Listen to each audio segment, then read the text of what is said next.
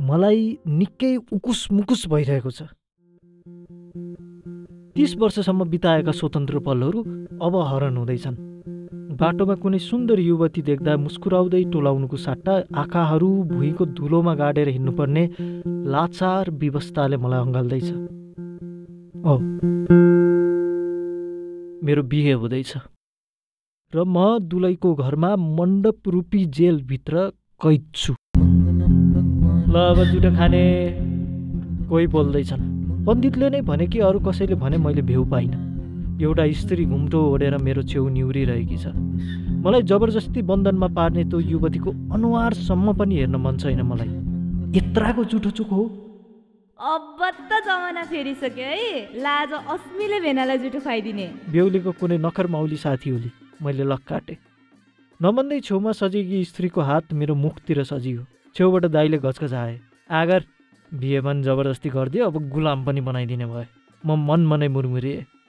त्यही पनि फिस्सा हाँसेँ। यसो टाउको उठाए। मण्डपको पारिपट्टि सानो छोरा काखी च्यापेर रोजी मलाई हेर्दै जिस्काइरहेकी थिए।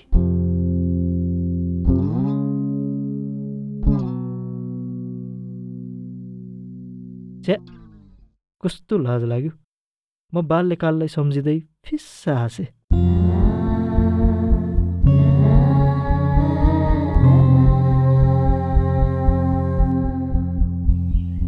यो कुकुर्नीले फेरि आज ओछ्यानमा मुती छ रोजीकी आमाले छोरीलाई जिस्काउँदै बरन्डामा थाङ्न सुकाइन्। रोजी छेउमा घुसे मुन्टो लाएर बसिरहेकी थिए। बुढीका नजर पल्लो घरको छतमा हाँसिरहेको ममा परे। हेर त अभिले त कहिले बिस्तारोमा पिसा फेर्दैन। म गमक्क परे। मेरो अगाडि बेजती भएपछि कट्टु नलगाउने केटाकेटी भए पनि रोजी लजाउँदै भित्र धकुरी। खेल्न जाँदा छिमेकका अलि ठुला दाइ दिदीहरूले हामीलाई जिस्काउँथे। ओइ अभि त रोजीसँग बिहे गर्छस्? गर्दिन त्यति मुतुवाईसँग ल्याक्टो मिठाइदिन्छु नि बिहे गरिस् भने। गर्छस्? म टाङमुनि हात च्यापेर घोसे मुन्टो लगाउँदै सानो स्वर निकाल्थेँ. रोजी फेरि लाजरे राति हुन्थे। तलाई चुचा भन्दै कसै न कसैले मलाई ल्याक्टो दिन्थे। रोजीले पनि पाउँथे। खेलेर फर्किने बेलामा रोजीले रुन्चे पारा देखाउँथे। ओइ रोजी किन रोकी? म तसँग बिहा गर्दिनँ क्यारे? मैले पनि मौकाको राम्रो फाइदा उठाउँथेँ। त्यसो भए आधा ल्याक्टो मलाई दे। पाँच दस मिनट मुखभित्र च्यापिरहेको चक्लेट टोकेर ऊ आधा मलाई दिन्थे। ठुलो आधा दे। मैले थप्थेँ। अङ्ग। त्यसो भए खुवाइदे म हात चिम्लेर मुख खोल्थेँ। उसले निकै प्रेमपूर्ण खुवाइदिन्थे।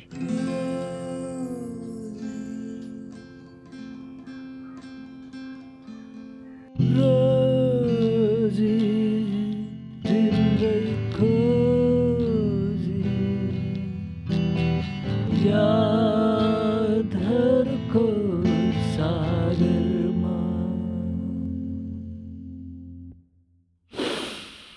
त्यो बेलाको ल्याक्टो आजको कथित मिष्टान्नभन्दा धेरै स्वादिष्ट थियो।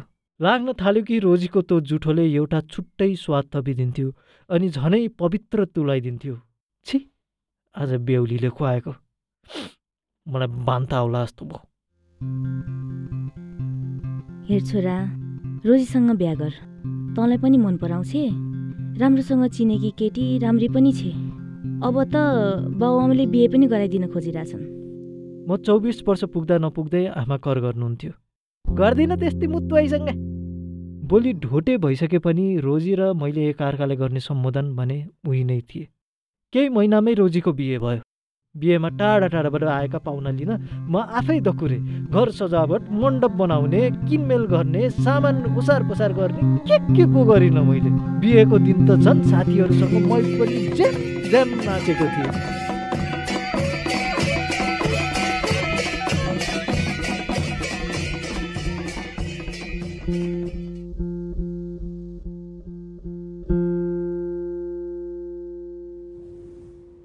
बल्ल झस्किएँ जब जन्तीसँगै बेलुकी रोजी पनि गई। मसँगै जिस्किने र हाँस्ने मेरी साथी अब मेरो सामु थिएन। यस्तो लाग्न थाल्यो सबैको मिलमातोमा उसको अपहरण भयो। त्यसपछि पैसाको सपना पुरा गर्न म खाडी उडेँ। खाडीको गर्मीमा आफ्नो मन पोलेर काम गरेँ। बिचमा एक फेर घर आएको थिएँ। बुवा आमाले मेरो बिहे गरिदिन धुइँ पत्तल लाएर केटी खोज्न निस्किनु भयो। तर अह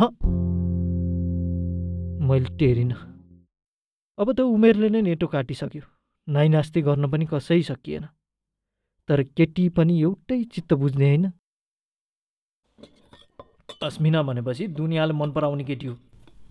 राम्री छ खानदानी छ अनि चुलो चौको सबै जाने कि छ? कहाँ पाइन्छन् र आजकल त्यत्तिका केटी? मलाई बिहे गर्न कर लाउने हरेकका मुखबाट यस्तै वाह्यात कुरा सुन्थेँ म।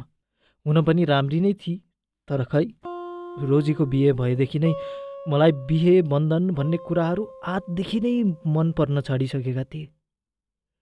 त्यही पनि मैले बाध्य भएर भनेको थिएँ। हुन्छ म बेहर छु।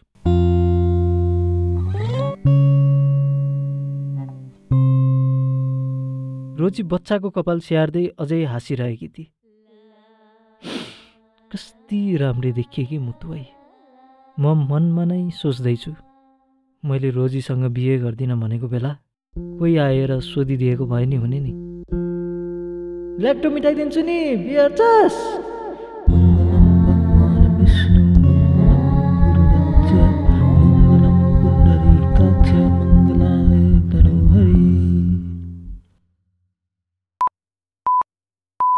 यो थियो कथा छुटेकी प्रेमिका। यस कथाको लेखक हुनुहुन्छ प्रकाश गिरी। वाचन गर्नुभएको थियो सचिन गिरी र अमृता गौतमले। तपाईँले पनि कुनै कथा लेख्नुभएको छ भने हामीलाई कथा कथा seventy six at the rate Gmail dot कममा पठाउन सक्नुहुनेछ। अर्कोचोटि हामी फेरि पनि नयाँ कथा लिएर आउने नै छौँ कथा कताबाट